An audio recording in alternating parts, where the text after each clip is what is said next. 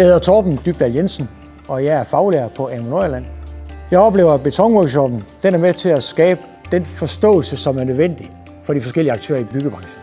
Min opgave som faglærer, det er at gøre dem, der kommer her, stolte af deres arbejde.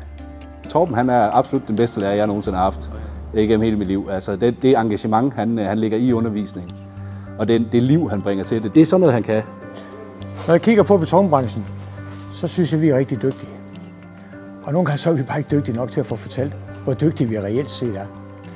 Så nu at unge mennesker, de skal vælge, hvad branche de skal ind og arbejde i, så skal vi være endnu bedre til at forklare, at det her det er et godt sted at være. Men Torben er jo en... Øh, kommer han til at høre det her? Fordi så bliver han ulidelig at tale med bagefter. Nej.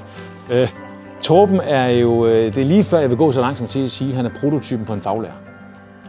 Du får ikke, i mine øjne, en, en mere engageret, positivt imødekommende, det kan vi finde ud af, faglærer en Torben. Øh, hvis der er noget, Torben ikke ved, så går han jo i gang med at finde ud af det. Jeg tror på, at vi kommer til at blive endnu bedre til at kan fremtidssikre byggerier, sådan at de også kan genbruges. Jeg plejer at sige til eleverne her, at det kan være om 50 år, så er der nogen, der kigger på dem og siger, hvordan kunne jeg overhovedet finde på at bygge lejligheder, hvor der var børneværelser, der ikke havde sit eget bad og toilet. Det ved vi ikke.